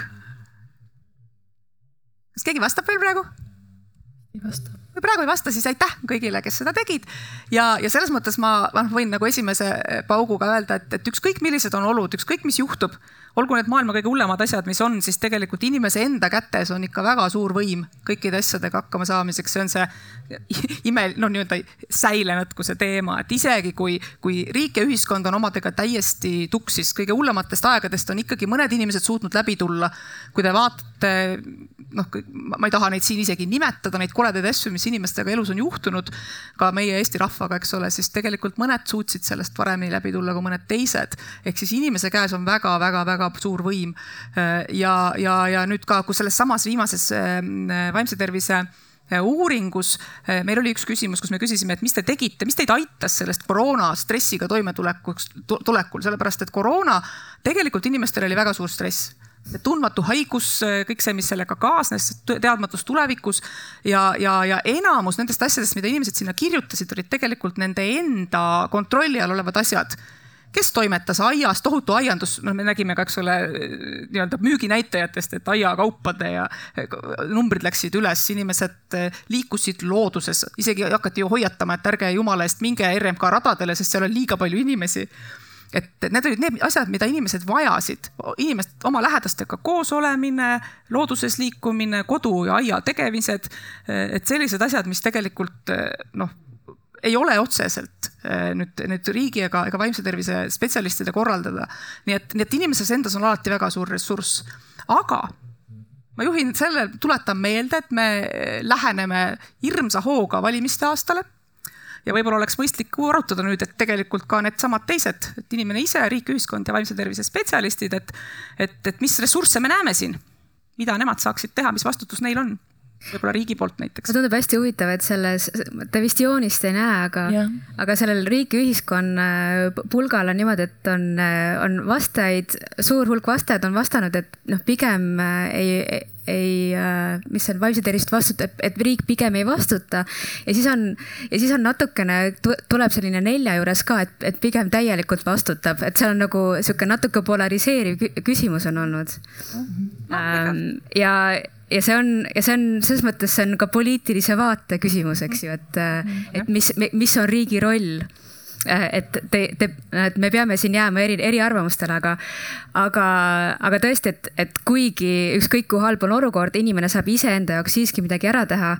samamoodi tegelikult riik või kohalik omavalitsus saab soodustada seda, et inimestel oleks enda tervise eest hoolitsemise valikuid lihtsam teha, olgu, olgu see siis äh, rattateed äh, mugavamaks, äh, tervislik toit kättesaadavamaks. tööandjal võib olla see poliitika, et me ei, me ei saada emaili keset tööd ja oota, ei oota, et see on hommikuks loetud, et inimesed saaksid magada. Et, et see, et, et me saame kõik üksteise, üksteise vaimse terve jaoks, tervise jaoks ka midagi ära teha, et see ei ole puhtalt isiklik vastutus alati no see, see vastutus ongi ühelt poolt see, et äh, mida mina ise saan teha ja meil on ka seal need vaimse tervise esmaabi äh, töövihikud minu arvates, et, äh, et, et seal on väga hea ja võimalik vaadata ja et mida me tegelikult saame teha, et võib ka täitsa jagada publikule, et võib-olla mõnigi avastab. aga, aga siis me mõtleme ka tegelikult sellele äh, lähedaste ja perekondlikule tasandile ikkagi, et mida saab teha minu perekond ja minu lähedased ja, ja mõnes mõttes äh, näiteks sellised olulised asjad nagu äh, äh, vanemad, kes ühtepidi utsitavad mind, aga samal ajal väga toetavad ja, ja emotsionaalselt aktsepteerivad. see on ülitähtis vaimse tervise seisukohalt laste arengu mõttes ja, ja see tekitab mõtte, et me peaksime rohkem ju vanemlust toetama ja kui me läheme sealt perekonna tasandilt, kogukond, see on ju kool, töö, äh, siis me läheme edasi veel laiem kogukond, see, mis sina tõid, oma kohalik omavalitsuse piirkond, aga siis me jõuame ikkagi sinna kuskile riigi tasandile. Ja no vot siin võib ollagi, mida, mida inimesed mõtlesid selle riigi ja ühiskonna all ja ma arvan, et see ühiskonnas ongi see, et ikkagi need otsused, mis tehakse, kas need on inimeste heaolu arvesse võtvad või mitte. ehk kas siis seda, kui me mõtleme, et vaimne tervis on ikkagi selline heaolu, mitte häire või selle puudumine, eks ju et siis, siis me võiksime mõelda, et mis on need strateegilised otsused, mida riik saaks teha, et toetada vaimset tervist. ja aitäh, öeldi, et on kaks küsimust, jah ah,. Okay. Lähme vahele Ja, siis alustan, kas see töötab? jah ja., väga hea. et äh, kõigepealt repliik, et mul on väga kahju, et just vaimse tervise spetsialistide hulgas on väga vähe levinud või vähemalt minu kogemuse järgi, et ma ei oska teiste eest rääkida, et võib-olla te oskate rohkem, holistiline ravi. just see, et, et, et kui juhul, kui mul on olnud vaimse tervise probleemid ja neid on olnud, siis mina saan tablette ja see on kõik, mis ma saan et, et, et nüüd ma loen ise, ise individuaalselt seda, et kui palju näiteks liikumine toetab seda, et ma saan tervemaks, kui palju mediteerimine aitab seda, et mul on rohkem, olen fookuses, sest mul on fookust väga raske hoida. kui, et kui palju on tasakaalustatud toitumisel ja unel väga suur roll selles, et mul oleks hästi. et, et, et mul on tunne, et, et ma saan nagu ravikiirsööki, ma saan tablette mul on see väga-väga-väga kahju, aga mul on küsimus ka, kui te tahate seda kõigepealt kommenteerida, siis ma lasen. ja ma tahaks seda öelda, et me peaksime võib-olla äh, mõtlema tõesti äh, psühholoogilisest ravist ja medikamentoossest ravist. Ja, ja psühholoogiline ravi, mis on oma tõenduspõhisuselt võib-olla noh, erinevate lähenemiste puhul erineva sellise tugevusastmega, aga kindlasti psühholoogilise ravi äh, edendamine ja toetamine on väga oluline, sest noh, lõppude lõpuks, äh, kuhu, kuhu te jõudsite, on ikkagi ka see ju, et, äh, et noh, ma lõpuks hakkan ise midagi tegema ja, ja suuresti ju ka kõik sellised psühholoogilise ravi meetodid tahavad sellist eneseregulatsiooni võimet parandada, ükskõik, mis nad siis võtavad abiks, kas liikumise suurendamine, tasakaalustatud uni, toitumine, et aga on siis koolkonna spetsiifilisi võtteid. nii et ja. tabletid kindlasti ei ole ainuke valik. ja, aga sellega nad lõpetavad. riigi jaoks ka hästi oluline tähelepanek, et meil on praegu psühhiaatreid ju rohkem ja psühhiaatrid kergem pääseda mm -hmm. kui äh, psühholoogi juurde. psühhiaatril seda ettevalmistust, et kuidagi psühholoogiliselt toetada nagu võib-olla, aga see on tema isikliku sellise era, erahuvi küsimus. et selles mõttes äh, kõige kulutõhusam ja see võiks olla ka riigi selline puht majanduslik huvi on ikkagi selline kombineeritud äh, ravi, et sealhulgas siis need äh, ravimid ja, ja, ja, ja siis bioloogiline tugi ja, ja, ja võib-olla siis uuemal ajal räägitakse järjest rohkem sellest tervisekäitumise poolest ka mm. -hmm. küsimus oli vist meil, me ei ole küsimust vastanud. ja mul on küsimus ka, aga ma lisan ka seda, et, et, et vähe sellest, et, et, et sellega jäeti mulle, mulle ei antud ka infot, et ma peaksin sellega edasi tegelema. ma väga kogemata kuulsin seda ja väga juhuslikult hakkasin ise edasi uurima, et mulle ei anta isegi seda konksu kätte, et kus ma saaksin isegi edasi minna. Ja juba sellest on kahju. see info edastamine on väga kerge, et, et, et kas arstil puudub väljaõpe või nad ise ei usu sellesse, ma ei tea, milles on küsimus, aga mul on väga kahju. Küsimus hoopis on vastutuse ümberpööramisest, sest et ma olen hästi-hästi-hästi avali sellega, et, et minul on näiteks aktiivsus ja tähelepanuhäire ja see on okei. Okay.. ma olen äh, üha rohkem hakanud ka uurima teiste äh, sarnase, nii sarnase diagnoosiga kui ka äh, teiste inimestega, kellel on ka vaimse tervise probleemid ja üha rohkem ma avastan selle kohta, et kuidas vast-, kuidas antakse ähm, mitte andeks, aga kui on kohtulahendeid, kus näiteks kuutõbise sooritatud mõrv, teda mõistetakse süütuks. Ja, ja kui ma vaatasin ka vanglate statistikat, kui palju on proportsionaalselt seal vaimse tervise häirega noori, et kui palju me saame anda vastutust nende tegude eest ja nende igasuguste väärtegude eest ja me läheme vist natukene siin juriidika valdkonda. ei, see ei ole juriidika valdkond, aga ma tahaksin, et te arutaksite, et kas see oleks üldse nagu mõttekas või kas see on asi üldse, mida me peaksime kaaluma, et kas me peaksime äh, vaimset tervist arvestama selle teo panija osajana et ma tahaks, et te ütleksite oma arvamuse selle kohta. tead, teaduslik vastus on paraku alati väga ebahuvitav, et me saame alati öelda nii ja naa.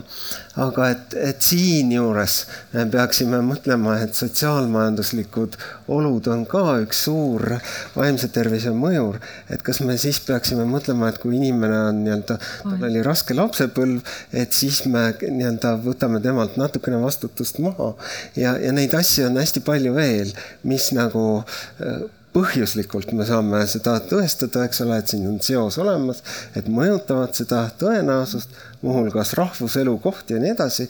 et kas me siis äh, võtame neid ka arvesse aga et, et, et selles mõttes ma toetan Kirsti mõtet, et see on ilmselt pigem siiski juriidiline küsimus ja siin peaks leidma mingisuguse selge lahenduse ja siis ütlema, et siinkohal on piir ja me rohkem siit edasi ei lähe. jah, küllap ta igal üksikul juhtumil on veel, eks ole, niisugune noh, meditsiiniline probleem või selline, aga, aga iseenesest küsimus, mille te tõstatasite laiemas mõttes on muidugi see, et kas me kuidagi soodustame äh, häire omamist et noh, see võib, pendel võib põhimõtteliselt liikuda mitte ainult kriminalistikas, vaid ka mõnes muus kohas. Teil on üks küsimus ka veel. teise, teise öö, mm -hmm. otsa mm. -hmm. oli teine küsimus veel? et võtame ikkagi selle ära ja siis no nii, tervist, mina olen Katri Velin-Kalaus, ma olen psühhiaater Füsioteraapia Keskuses Sensus ja tahaks äh,, mul on nii ammu juba küsimus ja käsi ammu püsti, aga sobib kõikide teemadega. et äh, ma tahan natuke öelda midagi tööandjate kasuks, ma ei tea, kas kuulajad teavad, et juba mitmeid aastaid riik on sättinud kohustuseks ettevõtetele seista oma töötajate vaimse tervise eest mis tähendab seda, et äh, need ettevõtted ostavad äh, kliinikute tasulise hinnakirja alusel vaimse tervise teenust, maksavad ise selle eest või kasutavad erakindlustusi, osad piiravad seansside arvu, osad ütlevad, tehke nii palju, kui tahate. Ja need on meie kõige edukamad, kõige eesrindlikumad ettevõtted, ministeeriumid ja riigiasutused. Äh, ja ja see ja nad tõesti väga palju suunavad, meie oma kliinikus üldiselt hetkel ütleme kõikidele ära, sellepärast et äh, meie valdkonna põhiline probleem on siiski ressursi piiratus. aga nüüd tuleb see teine pool, miks need äh, madalama elatustasemega inimesed teenusele ei jõua.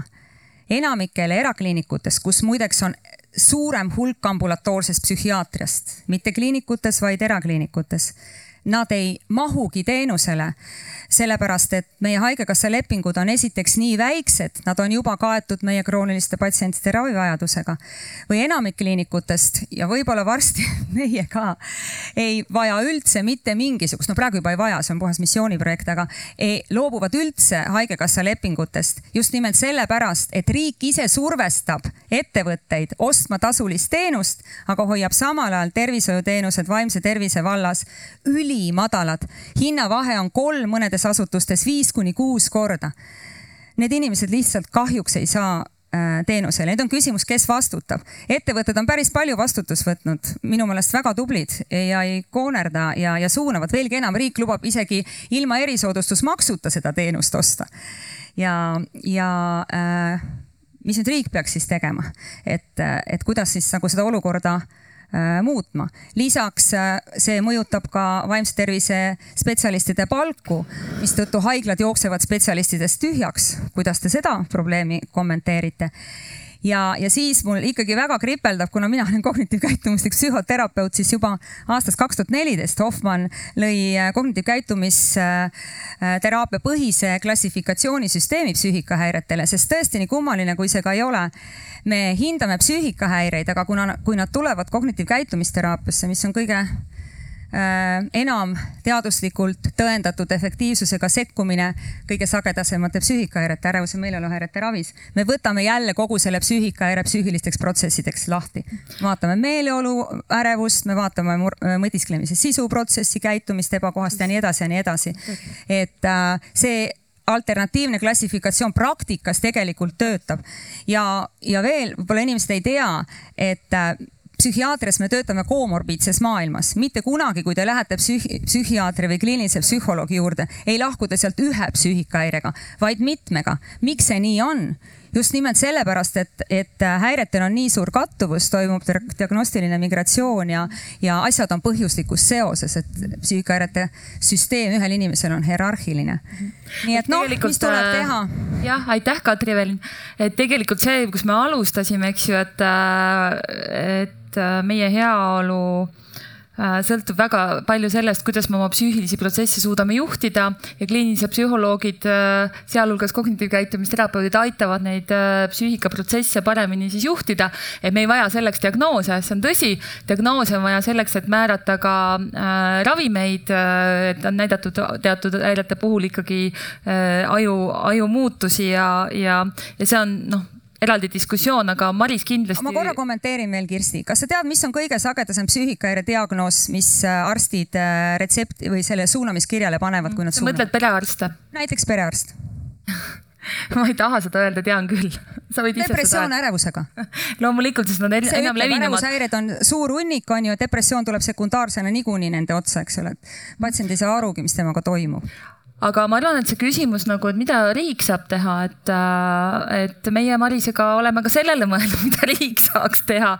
ja, ja ega siin ei ole kiireid äh, lahendusi, aga see, mis sa ennem ütlesid, et äh, riik on väga hea tööandja ja suunab oma spetsialistid kliiniliste psühholoogide vastuvõtule. see on ju suurepärane, et aga ma ei tea, kas täna kõik eraalgatused sellega kaasa tulevad ja suunavad ka oma töötajaid äh, vastuvõttudele, sest äh, just äh, siin. loomulikult enamik er eesrindlikke ettevõtteid äh, suunab oma äh, töötajaid vaimse tervise teenustele, probleem on lihtsalt selles, neil ei ole mitte kuskile suunata. jah, et, et, et võib-olla siis see teadlikkus on paranenud äh,. Maris, tahad sa kommenteerida? ma tahan ka siia tuua nüanssi äh, sisse, et et äh, kui me räägime, et vaimne tervis, vaimne tervis on tööandja vastutus, siis mina interpreteerin seda selleks, et selle, läbi selle, et vaimne, vaimne tervise hoidmine on tööandja vastutus. see, kui inimesel on vaimne tervis nii-öelda rikutud, tal on vaimse tervise häire ja ta siis aitab inimest äh, psühholoogi vastuvõtule. see, noh, see on osa sellest, aga see on vaid osa sellest, et tegelikult enne seda on vaja ka paljus palju teha tööd, et, et see asi ei läheks nii kaugele. see ei ole muidugi alati ainult tööandja teha, eks ju, et inimesel on päriselu ka no,. ja aga teate, mis on kõige toredam, ega kaasaegne psühhiaater ei ole ainult ravi, ta on ikkagi psüühikahäirete ennetamine ka. ja sellest me vist rääkisime, vist Maris ka just rääkis, et see, et, et äh, odavama tõenäoliselt tõenäoliselt äh, ennetada väga palju probleeme, kui äh, veel diagnoos ei ole kujunenud, et ma arvan, me väga paljud oleme nõus sellega.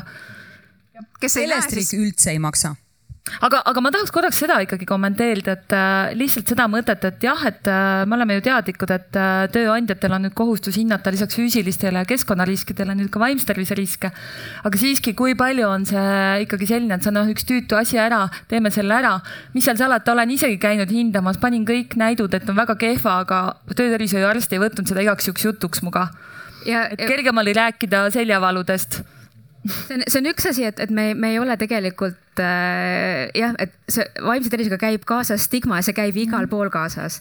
Äh,. et, et spetsia-, te, füüsilise tervise spetsialistid alati ei taha rääkida, aga samamoodi, samamoodi ka töökohtades, et, et meie Praxis oleme väga-väga palju tegelenud vaimse tervise probleemidega, sest see meie peamine psühho, meie peamine riskitegur tööl on psühhosotsiaalsed riskid, me istume arvuti taga, vahime ekraani, teeme uurimistööd, et mis meid, mis meid tabab, on stress tõenäoliselt ja, ja ja ma kujutan ette, et me, noh, meil on nagu päris vinged, vinged inimesed teevad seal vaimse tervise asju, ma pean ütlema äh,. aga et me, me ka ei oska sest see on väga kompleksne probleem mm. ja, ja see, ja seal ei ole lihtsaid lahendusi, mida saab lihtsalt riiulilt võtta. aga see integreeritus. nii, meil tuleb veel mõned küsimused, ma tegelikult vaatan kella, meil on jäänud viimane viisteist minutit äh, ja tänan, Katri Velin, sind enne ka selle probleemide puntra tõstatamise eest. Äh, ma arvan, et see nagu kus nüüd see küsimus, ah küsimus on valmis, selge, aitäh. ja tere, et me pigem mitte küsimus, vaid selline positiivne näide, et kui ennem oli juttu sellest, et, et lähed psühhiaatri juurde ja ta räägib sulle tablettidest ja muust mitte, siis minul on positiivne näide lähisugulasest, kes eelmine aasta oli kuu aega viibis Tallinna psühhiaatrihaiglas, üheksas osakond ja, ja ta tuli sealt välja rõõmsamana kui eales varem. ta pole kunagi teinud nii palju sporti, kui ta seal pandi tegema, ta tuli, tal olid eluplaanid, tal olid kõik need valdkonnad, millest siin naisterahvas rääkis selgeks tehtud. nii et suur kummardus sellele üheksandale osakonnale ja veel, kui me räägime ühiskonna tasandist, siis ma tahaks eestvedajaid kiita selle eest, et on kutsutud ellu see vaimse tervise esmaabi andjate süsteem, eks ju, ehkki täna veel näiteks mina natuke maksin selle eest, aga ma maksaks kolm, ma ei tea, kümme korda rohkem, sest ma tean, mis see tähendab. nii et suur tänu teile, jõudu. ja aitäh, aga ma ütleksin seda kommentaarina, et teie näide oli väga hea näide, kuidas äh, inimese abi äh, võib sõltuda lihtsalt see võib olla juhuslik, aga tegelikkuses on see ju kvaliteedi probleem. kui iga psühhiaater võiks olla meil võimeline täna või iga vaimse tervise spetsialist võiks olla võimeline andma kvaliteetset abi ja, ja ma usun, et see, kus me täna jõudnud oleme, on, et et eelmises, käisin just tervisealal kuulamas arutelusid ja, ja toodi seal välja, et Eesti Haiglate Liit pidas oma suurt aastakonverentsi eelmise aasta lõpus ja üldse probleem pole raha vähesus, vaid äh, tegelikkuses on äh, probleemid hoopis äh, mujal ja ma arvan, et mina ise näen, olles olnud tervishoiusüsteemis ka töötav inimene, aga natukene uurinud ka üldse tervishoiuprotsesse, et, et see on kvaliteedi küsimus ja see oli väga hea näide, et, et minu terviseravi ei peaks sõltuma sellest psühhiaatrist, kes seal oli, see üheksanda osakonna suurepärane inimene ja teie lähete ja teile öeldakse, et noh sööge tablette ja, ja, ja vaadake, kuidas hakkama saate. et see võiks olla ühtsem ja standardsem ja heal kvaliteedi, hea kvaliteediga Eestis. Ja seda saab riik teha, tagada kvaliteedi kontroll. Ja, või, või siis ka ravistandardid, et mil, millise, et et me peaksime ehitama üles vaimse tervise tuge, eks, et me alustamegi liikumisest, söömisest, une, unehügieenist, eh, vaimse tervise esmaabist. see ei aita, siis lähme edasi. ennetused. Needsamad asjad käivad alati kaasas, et isegi kui inimene on haiglas, siis uni, hügieen, unehügieen, sport ja söömine on endiselt olulised, aga lisaks on vaja veel nagu mingit tuge, et me ei tohi jah, baasi ära unustada, ükskõik mis tasemele me jõuame mm. -hmm kas võtame veel küsimuse, kommentaari? seni, kui me mõtleme, siis ma natukene halan selle raha üle natuke ka, et, et, et Eestis läheb vist kuus protsenti SKP-st läheb tervishoidu, eks ju, mingi kaks miljardit. see suurenes nüüd äh, koroona ajal? see suurenes nii ja, ja kui palju jõuab vaimsesse tervisesse sa tead seda näitu täpselt? ma ei tea seda. ma ka ei tea seda. see on väga väike ja, ja teine ja teine, et kui palju sellest omakorda jõuab äh, teadusesse, äh, et kui palju noh, et see teadus on nagu eraldi pott, aga põhimõtteliselt, et miks, eks ole, miks meil on sellised probleemid, et, et me avastame, et aa, et sina, psühhiaater, nagu kirjuta tabletti välja, mina siin, äh, ma ei tea, kirjutan, äh, ma ei tea, liikumist ja asju välja, et me tegelikult, me, meil puudub informatsioon, meil puudub äh, hea statistika, aga meil puudub ka, puuduvad ka need teadlased, kellel on raha, et panna kokku need teadmised ja, ja anda neid soovitusi, kuidas parandada mingeid, mingisuguseid ravijuhiseid või, või üldse, et mis, mis olukorras, millised teraapiad võiksid Eestis paremini toimida, millised ennetavad äh, sekkumised võiksid Eestis paremini toimuda, me ei, me ei tea neid asju, sest meil pole raha no teine asi, ma korraks ütlen lihtsalt, et nagu me oleme ka rääkinud, et tegelikult meil ei ole kombeks väga teha mõju-uuringuid. et äh, me toome mingi asja, siis on meil äh, raha, et see asi maale tuua, aga ega me ei tea, kas see tegelikult päriselt ka töötab, sest ennem saab raha otsa ja siis tuleb uus programm, mida on vaja omandada või ja, ja siis me jälle seda ei jõua uurida, nii et, et, et tervishoius on väga palju kvaliteet sõltub ikkagi sellest, et me teeksime ka mõju-uuringuid. ja või siis, või siis, sorry, või siis veel, veel. Läks põnevaks mõju, mõju-uuringutega seoses, et noh, et järgmine probleem on see, et, et, et ma saan aru, minu mulle tundub, et, et on natuke hakatud taipama, et me peame tegema mõju, mõju-uuringuid. aga, aga need, see raha, mida eraldatakse nende mõju-uuringuteks on, on, on solvavalt väike mm. ja selle eest tahetakse igasuguseid asju ja, ja, ja ma ei näe, et, et kui ma oleksin miinimumpalgaga, ma saaksin ka teha neid asju. et, et me peame arvestama ka sellega, et, et tegelikult kvaliteetse mõju-uuringu äh,, mõju-uuring maksab, maksab raha ja see, see toodab paremat vastust kui, kui ebakvaliteetne uuring, mis on hästi odav, aga ta, me ei saa ju teada, kas midagi töötab. et, et Ken kindlasti ja, kommenteerib. praegune see hangete süsteem ju kuidas neid mõju-uuringuid enamasti tellitakse, et see soodustab seda, et tehakse odav ja selline kiire uuring. mis ei vasta küsimusele. jah, et, et aga see on tingimustes sees, seepärast et, et hind on see, mis mõjutab palju ja teiseks on tähtajad, mis on ikkagi tihtipeale nagu täiesti jaburad. et, et siin tegelikult riik peaks natukene kombeid õppima. see on võib-olla koht, kus me teadlastena peaksime kuidagi sõnakamad olema, et anda märku, et mis viisil saab küsimustele vastata. mina oskan tuua ühe hala muidugi veel arvude keeles. Äh, ma tean, et Tartu Ülikoolis Psühholoogia Instituut õpetab tudengeid peaaegu kõige odavamalt üldse kogu ülikoolis. sest meid lihtsalt tullakse õppima nii palju ja selle raha eest, mis riik meile annab, me õpetame enda tudengeid pluss veel ühe kolmandiku kõikvõimalikke teisi tudengeid. Ja see tähendab, et me teeme ühe tudengiga palju odavamat tööd kui peaaegu kõik teised erialad. nii et, nii et tõepoolest selles kohas, kus me peaks õpetama välja spetsialiste, me teeme seda väga odavalt, kahjuks. Mm. kuna oli see, et kui palju me paneme siis äh, äh vaimse tervisele äh, haigekassast äh,, psühhiaatria üksinda? Äh, umbes viiskümmend miljonit aastas, mis on tegelikult väga väike summa. jah, kui kaks miljardit läheb tervisesse, viiskümmend miljonit, eks ju. ja, ja, ja kui me saaks äh, sellest isegi mingi nagu pooltki sellest stabiilselt lükata ennetusse, mida me ju ka ei tee, äh, siis noh, jällegi nii-öelda mm. investeerimispotentsiaali on üüratult, et mida me kahjuks ei rakenda. ja, ja tegelikult ennetusega on ju väga selge, et äh, iga enne, ennetusse investeeritud euro toob laias laastus sulle tagasi umbes kolme, nelja või viiekordselt sõltuvalt siis programmi headusest, et nii et. kuni äh, üksteist, aga 11. see on natuke sihuke kahtlane, aga no põhimõtteliselt sõltub, kui, kui, kui põhjalikult midagi uurida, kui väga-väga hästi ei uuri, siis on üksteist, aga kui hästi uurid, siis on võib-olla viis. aga igatahes näeb nagu rentaabel välja. ütleme nii, seina peal, kes näeb, on põhimõtteliselt, me räägime täpselt samast asjast, me tõesti räägime sellest püramiidist, et ennetus on igatepidi äh, roh-, peaks olema rohkematele tagatud ja, ja andma parema efekti. Äh, on küsimus, kommentaar siit on üks küsimus ja siis äh, seoses selle ennetava tööga ma igaks juhuks veel rõhutan, et enne kui oled ära minemas, siis võib siit võtta selle vaimse tervise töövihiku, et kuigi me räägime sellest, et ennetusmeetmeid ei ole piisavalt, siis see on, et seda võib võtta. aga küsimus?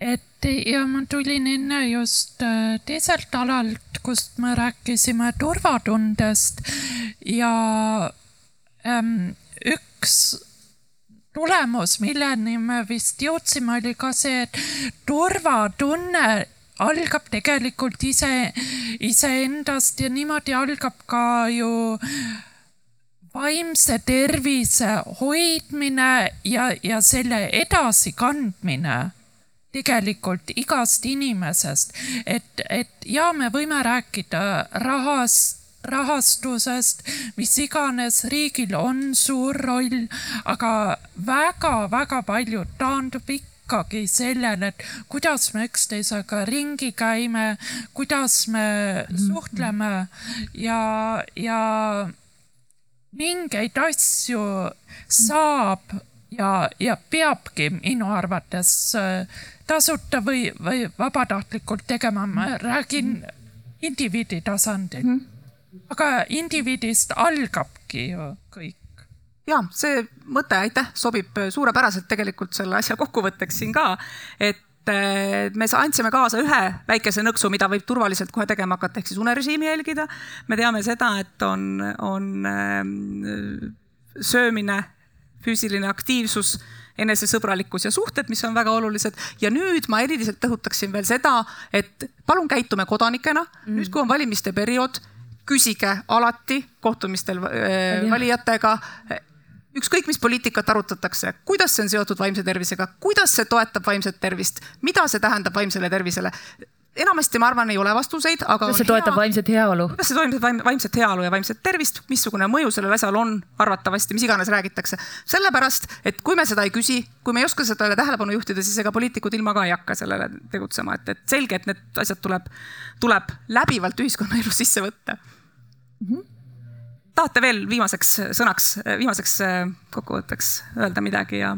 Võib-olla ma tsiteeriks veel kord WHO soovitusi, et äh, kriiside kohta, mis äh, muuhulgas üks selline komplekt äh, tuli välja kahe tuhande kahekümnenda aasta keskel ehk siis üsna selle koroonapandeemia alguses.